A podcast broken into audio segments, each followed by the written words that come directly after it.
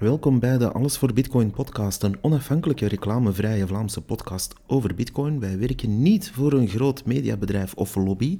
Wij smeren u geen nutteloze cursussen of pump-and-dump tokens aan, maar laten de stem horen van Vlaamse Bitcoiners. Dat is ons doel. U kan ons bereiken eh, op Twitter, at AVB Podcast, of via Mastodon, dat is at allesvoorbitcoin, at mastodon-belgium.be of via e-mail natuurlijk reactie at allesvoorbitcoin.be. We zitten op aflevering 49 en dat is opnieuw een basis- of een basics aflevering, de vijfde al. Vandaag is het 2 december, uh, 14 anno Satoshi, of 2022 zoals we dat zeggen. En um, ja, het, uh, het, gaat vandaag uh, over een uh, basics aflevering. En dat betekent dat we basisbegrippen gaan uitleggen over Bitcoin of basiskennis gaan delen. En um, daarvoor moet ik u alvast proficiat heten, want u hebt de eerste stap gezet door naar deze podcastaflevering te beginnen luisteren. Om een beetje nu zelf los te maken van die traditionele media, die ja, heel vaak met de nodige reclame en de nodige abonnementjes daartussen u halve informatie geeft al jaren aan een stuk. Vandaag gaan we in snel tempo de meest gehoorde kritiek op Bitcoin even overlopen. Want ja, we zien die natuurlijk uh, al heel lang verschijnen, al jaren aan een stuk.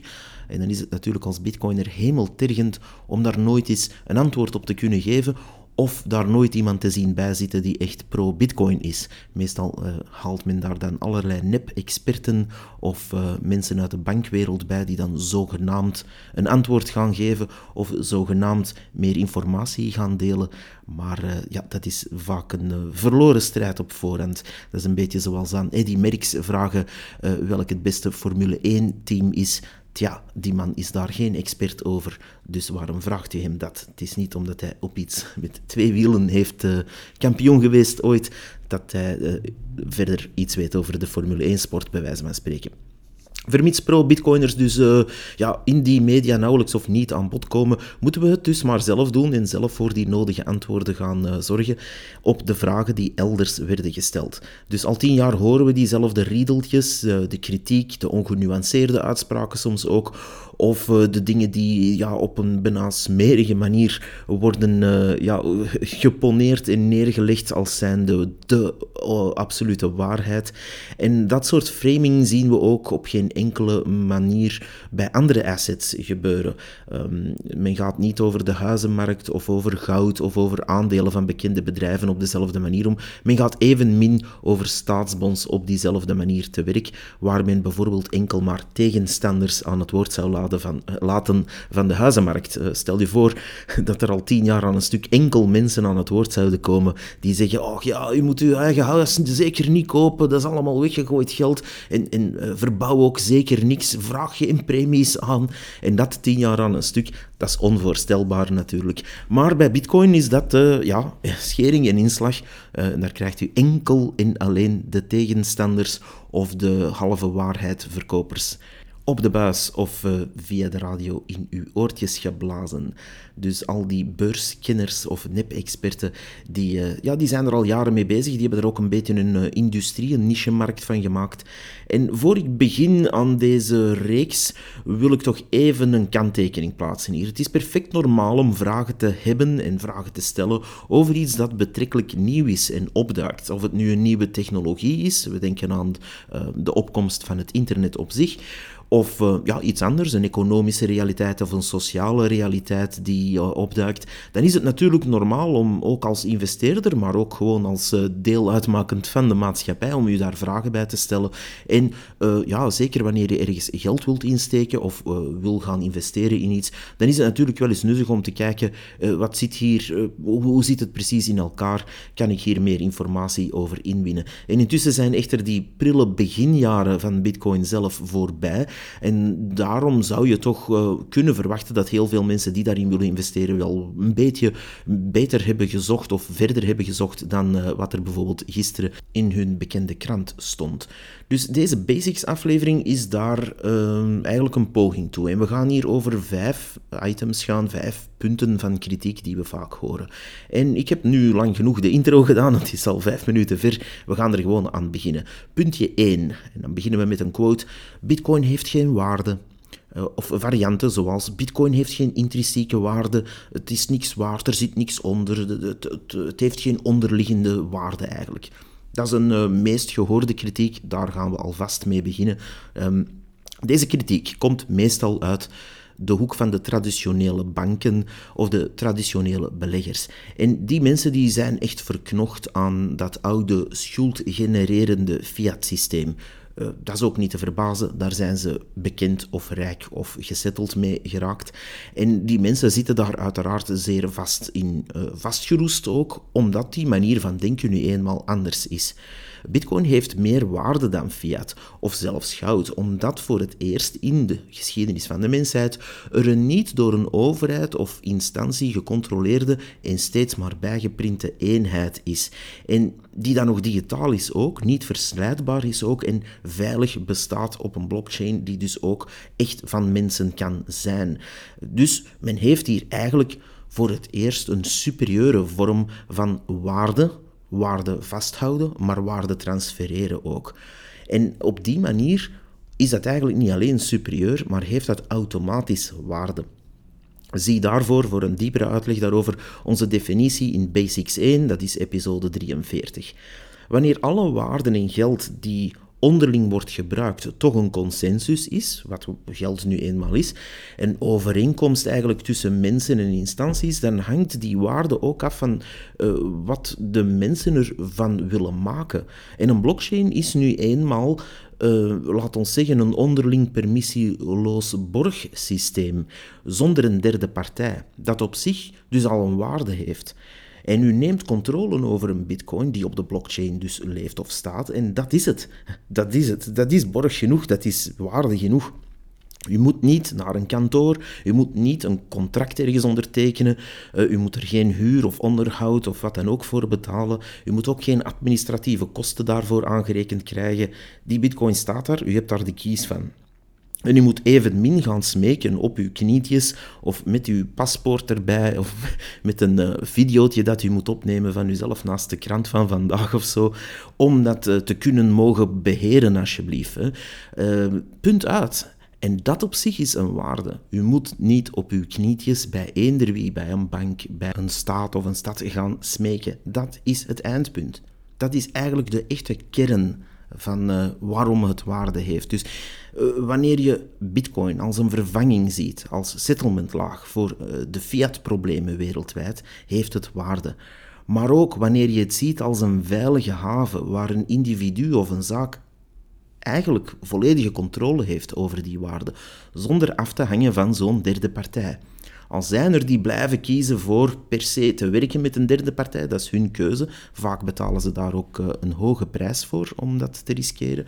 Maar dat is eigenlijk niet wat eh, de kern is van Bitcoin. Wanneer je de algehele corruptie of de banken of de nationale munten graag vervangen ziet door een mathematisch principe, dat u eigendom geeft van uw waarde, dan heeft het enorm veel waarde, enorm veel onderliggende waarde meer zelfs dan fiat. Wanneer je echter een blinde, volgzame, brave burger bent van een land of een unie en die waarden die ze daar zelf dan bijprinten ook nog eens blind gaat volgen en aanvaarden, voor het geprinte bedrag dat men op zo'n papiertje zet, of op uw uh, fake eh, appje zet van een of andere grootbank, dan ja, zal het nog een hele tijd duren voor de molen gaat draaien. En dan komen die momenten ooit wel eens, maar natuurlijk vele jaren later. En bij bitcoiners is dat ook soms vele jaren later gebeurd. Niet iedereen was van de eerste dag dat ze de whitepaper hebben gelezen, of in 2009 of 10 leerden over bitcoin, of later daar meteen fan van geweest. Het is normaal om vragen erbij te hebben. En het is ook normaal om door de fase te gaan van oei, is dat niet eigenlijk iets dat geen waarde heeft? Wel nu, het heeft wel zeker waarde. Ook wanneer u dat pas jaren nadien door heeft. Op dezelfde manier, um, wanneer al deze eigenschappen iets zouden zijn waar u geen waarde aan hecht, maar je zegt van, ja kijk, een, een betrekkelijk nieuwe soort asset die waarde behoudt, onconfiskeerbaar, en schaars maakt, zonder permissie kan laten transfereren, als u dat allemaal waardeloos vindt, dan hebt u wel een paar hoofdstukken uit de wereldgeschiedenis ook gemist, denk ik. Een tweede antwoord dat ik op diezelfde kritiek van oh, maar bitcoin dat heeft allemaal geen waarde, dat is allemaal waardeloos, wat ik daar soms op geef als antwoord, als ik face-to-face met mensen daarover praat, dan zeg ik, in extreme gevallen zeg ik dan, oké, u vindt dat bitcoin geen waarde heeft?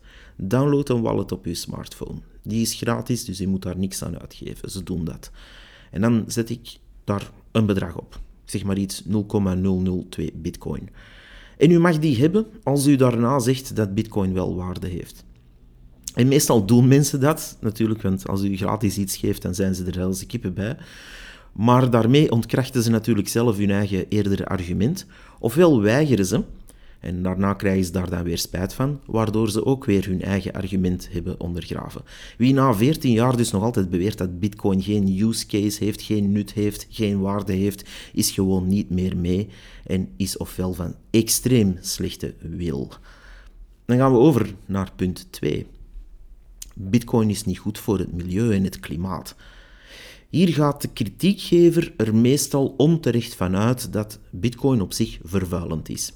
Een bitcoin als digitale unit stoot geen CO2 uit. Voor de mensen die daar nog aan twijfelen. Dus wanneer u een bitcoin hebt of bezit of daar de keys toe hebt, bent u dus geen uitstoot aan het veroorzaken. Nu kan u daar natuurlijk wat kanttekeningen bij maken, want het is natuurlijk niet die digitale unit die zelf, laat ons zeggen, een uitlaatgas heeft. Maar eh, sommige mensen begrijpen zelfs dat niet, dus dat moet ik toch ook weer even uitleggen. Dus Bitcoin op zich heeft geen uitstoot, geen vervuiling, daar komt dus ook geen plastic uitgespoten, zal ik maar zeggen. Um, maar Bitcoin miners en de apparaten, zoals Bitcoin nodes, die het netwerk vormgeven, die het netwerk vormen, dat zijn natuurlijk technische apparaten, zoals uh, routers en switches uh, voor uw telecomnetwerk, zoals u, uh, een gsm-mast bijvoorbeeld ook een, ja, een object is dat gebruikt wordt door uw telecomprovider om een netwerk uit te bouwen, zodat uw smartphone kan werken. En ho ho, uw smartphone is natuurlijk ook een technisch apparaat dat ja, ergens gemaakt moet worden. Dus zo bouwt u een netwerk, zo bouwt u technologie uit en ook deze apparaten, allemaal op zich, uw smartphone evengoed dan een bitcoin miner, die hebben op zich geen uitstoot. Daar komt geen uitlaatgas uit. De materialen waaruit ze uh, vervaardigd zijn, die worden op een bepaald mm, proces of op een bepaalde manier gefabriceerd. En dat kan natuurlijk wel uh, milieubelastend zijn. Net zoals uh, de kleren die u aan hebt of de wasmachine die u elke dag of elke week draait. Dat vervuilt niet alleen water. Dus alles dat we eigenlijk qua technologie gebruiken, van een haardroger over een stofzuiger, wasmachine of een gsm-mast of wat dan ook, heeft natuurlijk ergens ja, een oorsprong. Ehm, en die, die resources en die grondstoffen worden wel degelijk gebruikt.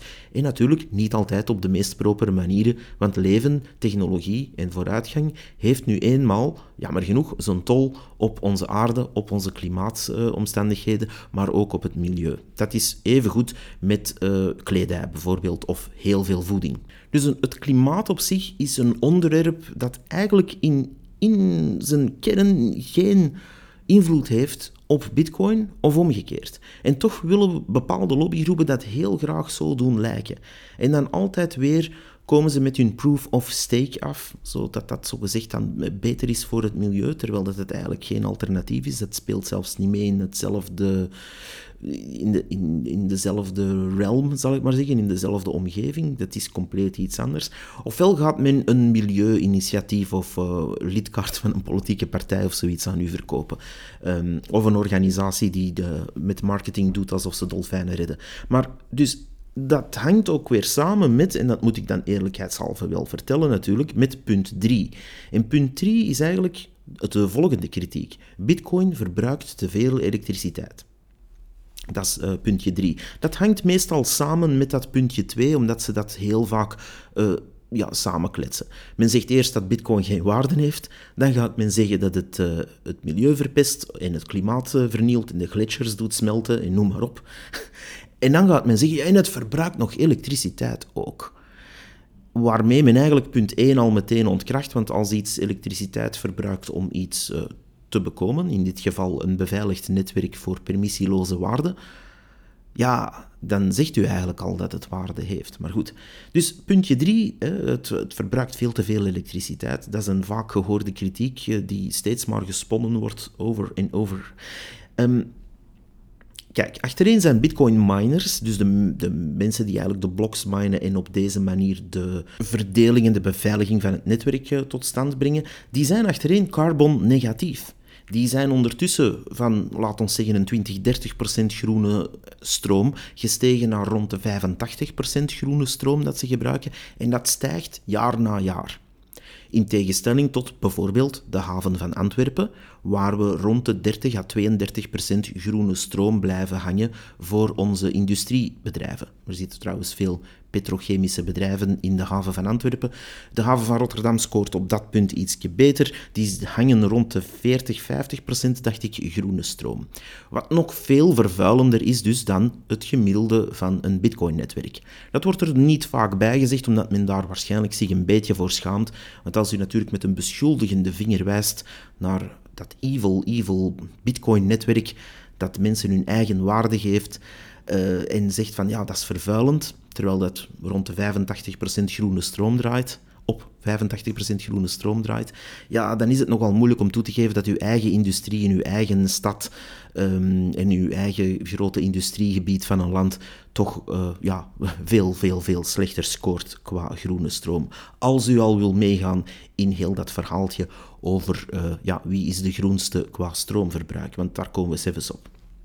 Dus al die kritiek kan je eigenlijk opbergen. Want die zogenaamde goede metingen die gebeuren om bedrijven als uh, bijvoorbeeld Starbucks of Google groen te certifiëren, uh, die kunnen ook gebruikt worden om te meten dat bitcoin miners eigenlijk via groene energie betaalbaar, uh, duurzame energie net betaalbaar houden of betaalbaar maken.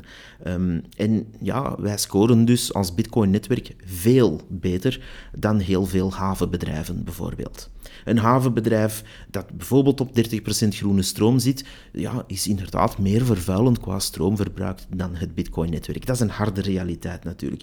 Deze kritiek, of dit soort kritiek, komt uitsluitend van uh, elektrofoben, zoals ik ze ben gaan noemen. Uh, die mensen die dus eigenlijk elektriciteitsverbruik in het algemeen gelijkstellen met iets boosaardigs.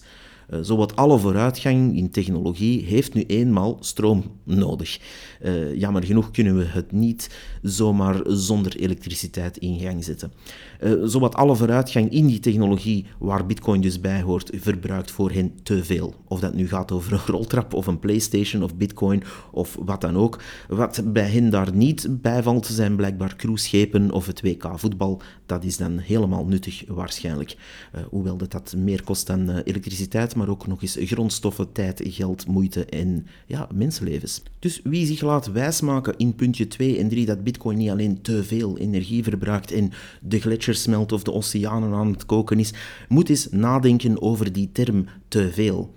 Terwijl we intussen wel veel andere zaken uitschakelen met het Bitcoin-netwerk en vervangen die heel veel schade aanrichten. Niet alleen in de wereld door een schuldsysteem op te zetten waarbij derde wereldlanden volledig worden leeggemolken decennia en eeuwenlang, uh, maar waar we ook heel grote verspilzuchtige banken en verzekeringsmaatschappijen en investeringsmaatschappijen eigenlijk stilletjes aan kunnen gaan vervangen en opdoeken. Terwijl we dus die aan de ene kant vervangen, kan je het vergelijken met bijvoorbeeld ja, een dertigtal wagens die niet meer nodig zijn omdat die mensen die in die wagens zaten in een mooie groene door elektriciteit aangedreven bus gaan stappen. Dat is een simpele vergelijking, maar die werkt wel.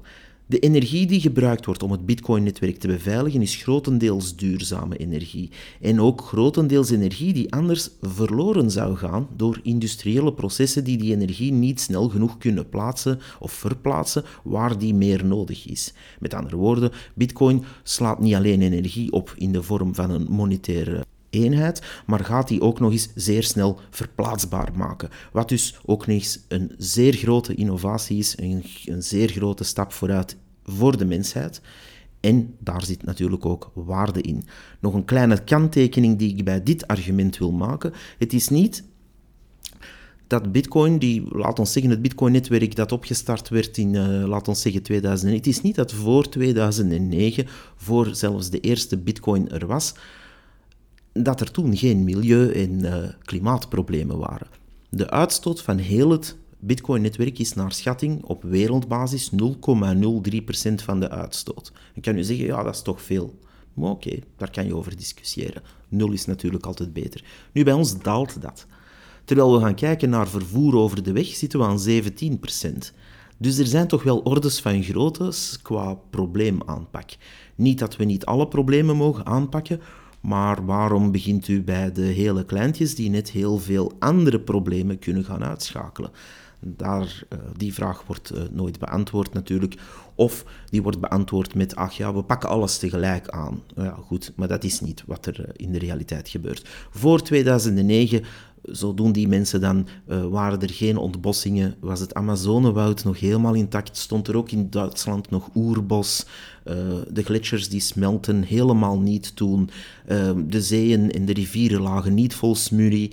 En vanaf 2009, toen bitcoin ontstond, was er ineens al de troep er, veel plastic, superveel ontbossing. Zo is het niet gegaan. En dat is wel wat ze doen uitschijnen. Net alsof wij alle zonden van de wereld op ons moeten nemen, omdat we ocharme eh, eigendomsrecht hebben over onze eigen bitcoin-keys.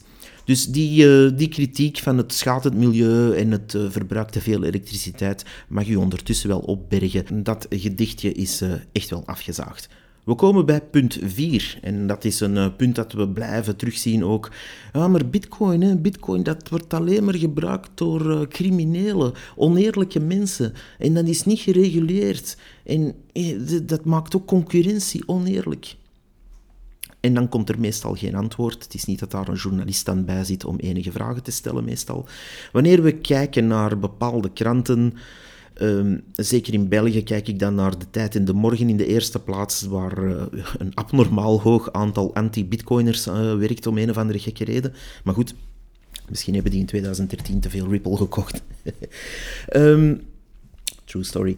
Maar uh, goed, die journalisten die zitten dus al tien jaar op hun tandvlees, omdat hun heilige boontjes maar niet, uh, maar niet kunnen gekookt worden, zal ik maar zeggen.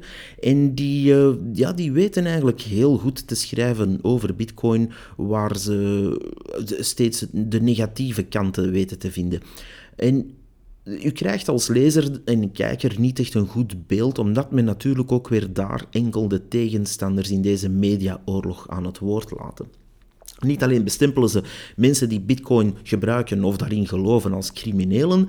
Nee, in een schrijven van 2021 zeggen ze letterlijk de bitcoin-secte. Dus opeens zijn we een religie of een secte. Um, dat is wel vergaan natuurlijk. De basis daarvan komt eigenlijk niet uit de realiteit. Er zijn een heel aantal studies gebeurd, uh, onder andere een aantal in Zweden en uh, eentje in de US. Eh, serieuze studies van een aantal universiteiten die allemaal hetzelfde zeggen, dat er eigenlijk een zeer, zeer, zeer klein percentage crimineel geld en echt puur crimineel geld omgaat in bitcoin. En dat kan ook niet verbazen natuurlijk, want uh, ja, een bitcoin bestaat natuurlijk op de blockchain en die blockchain is een open ledger. Dus dat is eigenlijk een, ja, een, een publiek te raadplegen open ledger. Nu, een pure crimineel neemt dan een extra risico eigenlijk, want van zodra uh, zijn identiteit, zijn of haar identiteit kan gekoppeld worden aan een bitcoin, dan uh, kan de politie of eender welke instantie nogal vrij makkelijk terug gaan traceren waar dat geld vandaan komt en waar het eventueel naartoe is gegaan. Er zijn dus daar rond een heel aantal studies gebeurd. En dingen zoals uh, losgeld dat betaald is voor een ontvoering bijvoorbeeld, of uh, andere criminele feiten, die uh, kwamen veel vaker voor, percentueel gezien, in de reguliere fiat-economie, in dollars en in euro's bijvoorbeeld. Dat is dus niet verbazend, omdat u natuurlijk op die publieke ledger minder rap ja, onzichtbaar weg kunt, waar u natuurlijk met andere soorten geld beter weg kan blijkbaar. Eens een crimineel dus geïdentificeerd zou worden en gelinkt aan een bepaalde reeks transacties of bitcoinadressen, is het redelijk makkelijk om dat te gaan analyseren en heel dat netwerk te gaan ontrafelen van zo'n crimineel. Een crimineel die zit dus beter met cashgeld blijkbaar, of toch liever, en heeft deze problemen dan uh, minder, uh, tenzij men uiteraard met gemarkeerde bankbriefjes of zo zou werken. Uh, de oneerlijke concurrentie die men daarachter zoekt en de rechtszekerheid die men poogt als voordeel van het fiat-systeem of de CBDC fake fiat-euro te gaan uitbeelden, die zit even min goed. Dus men zegt daar, ah, maar dat is allemaal oneerlijk en onze fiat, onze euro, dat is veel beter, want daar zit een, een standvastig iets achter. In dit geval dus de Europese Centrale Bank.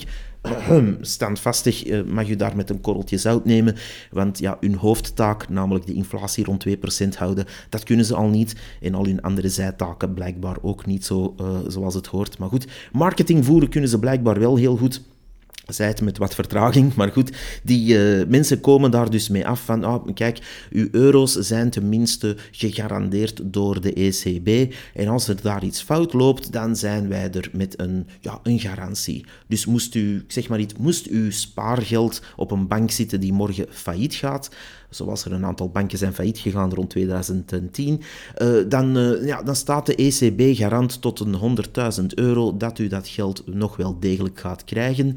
Um, als u dan de kleine lettertjes daarvan leest, is dat niet altijd waar. Uh, in België wel. In Nederland bijvoorbeeld hebben de banken samengelegd voor een fonds. En dat fonds staat garant voor uw 100.000 euro. Good luck.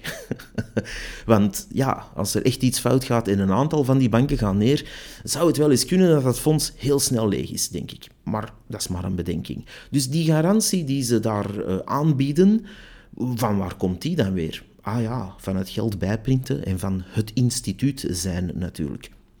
Dus die brave gewone burgers die gewoon hun euro's worden gestolen door bijvoorbeeld uh, hackers of uh, dieven die hun bankrekening op een of andere sluikse manier leegroven, die kunnen dus rekenen op backing. want als iemand uw bitcoin kan stelen, stel je voor, u hebt uw private key van uw bitcoin holdings zomaar op een papiertje geschreven en u hebt dat thuis laten rondslingeren op de keukentafel, en er komt een eh, inbreker binnen, jammer genoeg, en die gaat dat papiertje meenemen en daar misschien zelf uw bitcoins uh, mee uh, ja, afhandig maken. Ja, dan bent u die kwijt. Dan bent u die kwijt, ja. Oké. Als een dief dat doet met uw euro's die op uw bank staan, ja, dan gaat de bank natuurlijk liefdadig dan dat ze zijn, zonder dralen opeens uw geld terugstorten. Dat is toch de theorie. Vaak staan deze mensen echter in de kou. Met al de backing en al de veiligheid en de rechtsgaranties die ze hebben. Want in theorie zouden ze dus via dat traditionele fiat-systeem heel snel moeten kunnen terugvallen op uh, hulp. Maar dat is veelal uh, enkel weggelegd voor de rijksten onder deze beleggers en spaarders. En de arme mensen die misschien een 200 euro kwijt zijn, gespeeld op die manier, of uh, slachtoffer zijn geworden van een of andere hack, die kunnen meestal naar hun centjes fluiten of er zeer lang op wachten. De voordelen tegenover bitcoin die men in de verf tracht te zetten, is steeds lucht. Men probeert hier een, een soort van zweem, een soort van uh, elan aan te praten als zijnde wij zijn het, stevige, wij zijn het goede imago, bij ons wordt u niet zomaar bestolen en dan uh, laten we u niet stikken, we, we, laten u niet in de kou staan. Terwijl bitcoin, als dat gestolen wordt, kan je nergens terecht. Ja, dat klopt ook, daarom is beveiliging zo belangrijk.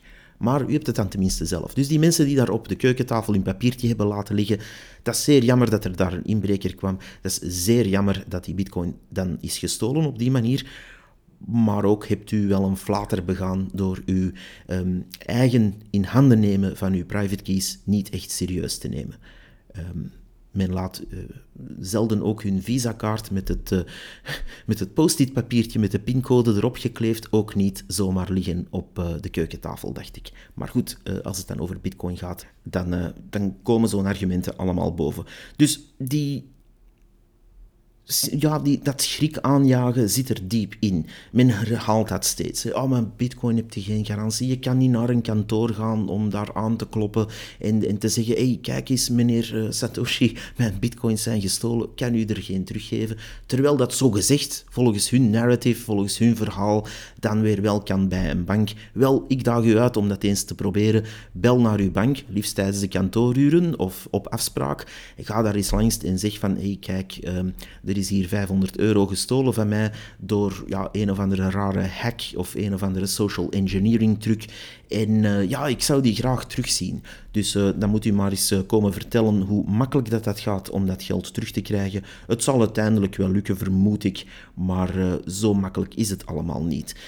Wanneer u gewoon uw bitcoin goed beveiligt en uw private key goed beveiligt, hebt u dat probleem nooit. Moet u nooit tijdens de kantooruren waar dan ook naar bellen en hebt u niet te smeken bij een of ander bankkantoor uh, om uw geld terug te krijgen. En dan moet u ook geen vriendjes zijn met, ah ja, maar kijk, mijn onkel is bankdirecteur, dus die regelt dat wel. Dat is allemaal niet meer nodig dan. De voordelen dus tegenover Bitcoin die men tracht in de verf te zetten, ja, um, men, men, gaat die negatieve nieuwtjes ook heel graag um, breed uitsmeren in de media. Een exchange die plat gaat, of een fraudeur die met veel bitcoin is gaan lopen, dat komt allemaal meteen in het nieuws, uh, met de nodige randinformatie er meestal volledig uitgehaald, dat het heel duidelijk wordt van kijk eens, bitcoin, zeer slecht iedereen centjes kwijt. Men zet dat zeer negatief in de verf. Terwijl um, het, wanneer de prijs erg stijgt of wanneer er iets goed gebeurt. Um, Zoals er bijvoorbeeld uh, het Lightning-netwerk meer en meer wordt gebruikt en op een bepaald moment echt wel de tweede laag boven Bitcoin uh, werd, waarbij je gratis en permissieloos kan gaan uh, ja, waarden uitwisselen met mensen. Dat wordt gewoon, gewoon uit het nieuws gehaald. Dus over het Lightning-netwerk is er bijvoorbeeld in onze drie grote nieuwskanalen in België nog nooit echt meer dan twee minuten iets gezegd. Men heeft het al wel eens vermeld, maar dan ook meteen negatief van ja, dat staat nog in zijn kinderschoenen, dat is heel onveilig, u mag dat zeker niet gebruiken. Dat soort gedoe. Dus de positieve dingen die er gebeuren in die ontwikkeling gaat men volledig uit het nieuws halen, omdat schrik verhaaltje te blijven herhalen, om natuurlijk die euro en dat bankfiat systeem te blijven in de verf zetten als zijnde de veilige, standvastige optie. Terwijl in realiteit het omgekeerd is. Bitcoin draait ondertussen 14 jaar al door, ongestoord, ongehackt. Iedereen die zijn keys nog heeft, heeft nog altijd zijn bitcoin. Iedereen gaat gewoon lekker door. En uh, ja, wat is er dan standvastiger? Ondertussen zijn er al wel een paar banken gesneuveld en zijn er al heel veel gedupeerden van onder andere Dexia en Fortis uh, geweest. Dus wordt, wordt geld gebruikt door criminelen? Ja, uiteraard, net zoals dollars, goud, euro's en andere waardemetingen eh, ook worden gebruikt door malafide figuren. En daar zijn al wel eens een paar films over geweest, ook denk ik. Uh, rovers, corrupte politici en dieven gebruiken nog andere dingen ook wel, uh, naast dollars en euro's. Die gebruiken bijvoorbeeld ook auto's en telefoons en toiletpapier. Moeten we dat dan allemaal gaan afschaffen? Wanneer iets waarde heeft, gaan alle soorten mensen uh, daar achteraan gaan en dat beginnen gebruiken. Goede spaarders, harde werkers, brave burgers, maar ook boosaardige mensen, dieven en zo verder. Dat is altijd zo geweest met alles. Bitcoin maakt het wel zo dat mensen geen geld kunnen gaan uitgeven dat ze niet zomaar hebben. Transacties zijn echt en verifieerbaar, worden ook gecheckt. Um, je kan niet zomaar een transactie gaan faken, zoals bijvoorbeeld vaak gebeurt. Um, met gestolen visakaarten wordt er heel veel uh, zomaar uitgegeven. Iemand steelt een visakaart, komt de nummer te weten en gaat dan uh, gaan shoppen. En die handelaars zijn meestal de dupe, want achteraf worden dan uh, die, die dingen terug uitgekeerd en uh, zit men even zonder inkomsten daar? Of uh, gaat het eigenlijk de prijs van zo'n uh, abonnement op zo'n kastje, om dat te mogen gebruiken, dat netwerk weer omhoog gejaagd worden, omdat er veel fraude mee gepleegd wordt, om dat te compenseren, gaan die prijzen ook weer omhoog allemaal. En dan krijgt u daar maandelijks de rekening nog eens van ook. Bitcoin is daarom eerlijker dan fiat geld. Wie beweert dat het uitsluitend door criminelen wordt gebruikt, is meestal zelf iemand die bij een grootbank werkt en tijdens de crisis van 2009 moest gered worden met ons taxgeld om nog recht te blijven staan nadat ze heel de economie hebben kapotgegokt. Dus wie is dan de crimineel? Nummertje 5 van de kritiek. Satoshi, Satoshi Nakamoto, die is onbekend en die kan opeens terugkomen, opduiken. En die kan een paar honderdduizend tot een miljoen bitcoin zomaar op de markt dumpen en dan is alles naar nul, alles kapot gedaan. Dat is dan de kritiek nummer 5. Ehm, kijk, de manier waarop de uitvinder van Bitcoin, Satoshi Nakamoto, moeite deed om zijn identiteit te verbergen en dan ook nog eens anoniem te verdwijnen als een ware held die zijn imago en zijn persoon niet meer wou gekoppeld zien aan een gedecentraliseerd netwerk, omdat dan ja, het, het nut van dat gedecentraliseerd netwerk weg zou zijn, moest Satoshi Nakamoto zich uh, niet uh, hebben laten verdwijnen, zal ik maar zeggen, ja, dan had Bitcoin nooit uh, zo kunnen doorgroeien op deze manier en dan hadden we in een hele andere wereld gezeten. In het heel kort, de nazaten van Satoshi of Satoshi zelf kunnen in theorie, want we kennen die man natuurlijk niet, of die vrouw, of die groep mensen kennen we niet, maar uh, er zijn toch wel zeer, zeer, zeer zware aanwijzingen dat uh, die persoon niet meer gaat opduiken, om welke reden dan ook. Um, zonder al te veel in detail te treden, er zijn wel zeer zware aanwijzingen over wie dat was. En de kans dat die man gestorven is, is enorm. Uh, om niet te zeggen quasi zeker. Maar we zijn niet 100% zeker, maar 99,9%. Moest het zo zijn dat die terug opduikt en zegt, ah, ik ga hier nu eens op de, op de open bitcoinmarkt al mijn bitcoin, waar ik hopelijk nog de kies dan van heb, uh, die ga ik allemaal beginnen verkopen. Ja, dan is er natuurlijk op die markt een probleem. Maar als er morgen een grote meteoriet op New York valt en Brussel tegelijk, ja, dan hebben we ook een groot probleem. In die zin, zo kan je altijd what if bedenken en zo kan je eindeloos veel scenario's gaan bedenken die allemaal zouden kunnen gebeuren en het einde van iets zouden kunnen betekenen. Het is zo dat moest dat gebeuren, waarschijnlijk de prijs van bitcoin zou, zou ineens stuiken, omdat er natuurlijk gigantisch veel bitcoin opeens op die markt zou komen. Of die man dat op die manier zou doen, ik betwijfel dat zeer sterk. Ik denk dat hij eerder die bitcoins zou um, onklaar maken door de keys te vernietigen. Maar goed. Um, Stel dat die prijs dan ineens stuikt naar, laat ons zeggen, 100 euro per bitcoin, ja, dan is dat natuurlijk wel een hele goede kans om in te kopen, want uiteindelijk komt die prijs wel weer terug, want de waarde en het nut van bitcoin gaat niet verdwijnen doordat er opeens veel meer op de markt komen die eigenlijk jaren aan een stuk hebben vastgezeten en niet hebben bewogen. Die coins hebben ook al meer dan 12 jaar niet bewogen, of 13 jaar, ik wil het nu kwijt zijn. Ehm, en dat is zo. En er zijn ook mensen die daar echt wel uh, scriptjes hebben oplopen. Moest dat ooit bewegen, dan weten we dat echt wel. Um, dat, zijn, dat zijn dingen die ja, zouden kunnen gebeuren, maar goed. Uh, zo zijn er wel meerdere scenario's. Mensen die u daarvoor bang maken, tja, ik zou zeggen, let daar gewoon niet op. Want het heeft echt geen zin.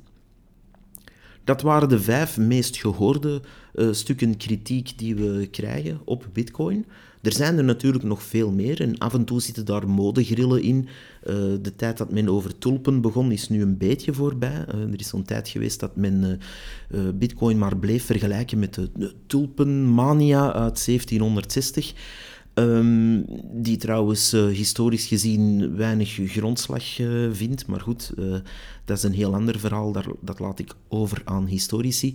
Maar uiteindelijk zijn er heel veel dingen om continu kritiek te geven op Bitcoin. En al die kritiek kan je eigenlijk allemaal samenvatten onder de noemer. Ofwel gaat het over, ah, pas maar op, want je gaat traantjes laten als het allemaal daalt hoor. Ja, dat kan je over eender wat zeggen. Als ik morgen een blok goud koop of een schilderij, ga ik ook traantjes laten. Moest dat in prijs uh, enorm dalen. Uh, met goud is dat uh, risico iets minder, met een schilderij weer wat groter. Als dat niet meer in de mode is, dat soort kunst, kan het zijn dat het opeens heel weinig waard is of niks. Uh, met bitcoin, ja, wie in bitcoin stapt, weet dat de prijs volatiel is. Nog een vaak gehoorde, en dat zijn dan de, de afdankertjes, de, de punten waar we niet toe zijn gekomen, die ik toch heel even wil meegeven. Um, er zijn mensen die dan zeggen, ja, bitcoin kan eigenlijk niet werken omdat het te volatiel is. Die prijs schommelt te hard en dat kan nooit zorgen dat dat een uh, wereldwijde munt is die als settlement layer gaat dienen. Uh, ja, sorry jong, het is al zo. Wereldwijd is dat al een settlement layer voor heel veel. En die schommelingen, ja, die nemen we erbij, omdat die schommelingen op lange termijn er eigenlijk weinig toe doen. En naarmate de tijd verder gaat, gaan die schommelingen eigenlijk iets minder groot zijn. En nu kan je wel zeggen, ja, maar min 85% zoals nu is toch wel een stevige schommeling. Ja, we hebben al min 95 gezien ook, min 90 ook, min 85 ook. We hebben al alles gezien. We hebben heel veel gezien. En, plus 120.000% ook. Dus kom maar af met uw kritiek. Ja, het is volatiel, we weten het. En als u dat daarom niet wil gebruiken, uh, ja, uh, goed dan. Dat heeft voor- en nadelen. Er wordt uiteraard op gespeculeerd, maar dat op zich wegzetten als zijnde bitcoin kan niet werken, want het is volatiel, ja, dan zijn er heel veel aandelen uh, op de traditionele markt die ook niet meer zouden moeten verhandeld worden en waar u zeker ver weg van moet blijven, omdat die ook zwaar schommelen.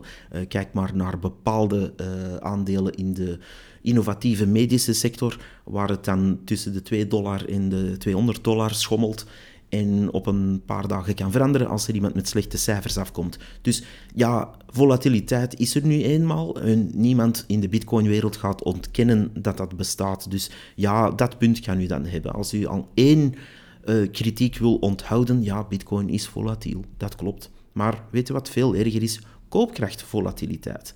En daar zit de euro wel vrij slecht eigenlijk. In die zin, als je dan toch zo'n standvastig netwerk hebt van die banken en die fiatwereld en de centrale banken, die allemaal pretenderen voor de burger die standvastigheid te leveren van een euro, een fiat-systeem waar je echt op kan rekenen, dan is het toch wel zeer jammer om elk jaar 10% armer te worden op zijn minst. En daar dan ook nog eens de nodige taxatie voor betalen. Mm, ja, het is niet echt tof. En dat noemt dan geen volatiliteit, dat noemt dan iets anders. U mag er zelf een naam op kleven die u wenst.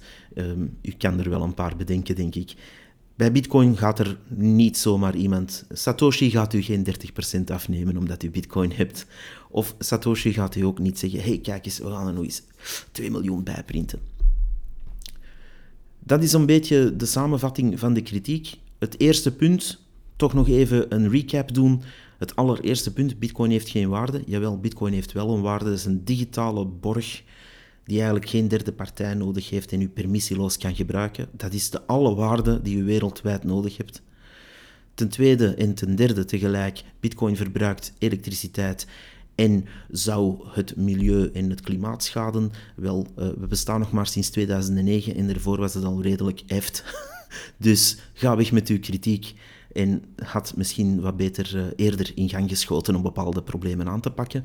Bitcoin heeft daar geen schuld aan absoluut niet zelf, want wij, zelfs, want wij maken bepaalde groene energie net meer betaalbaar. Iets dat vele groenen nog altijd niet onder de knie krijgen tegenwoordig.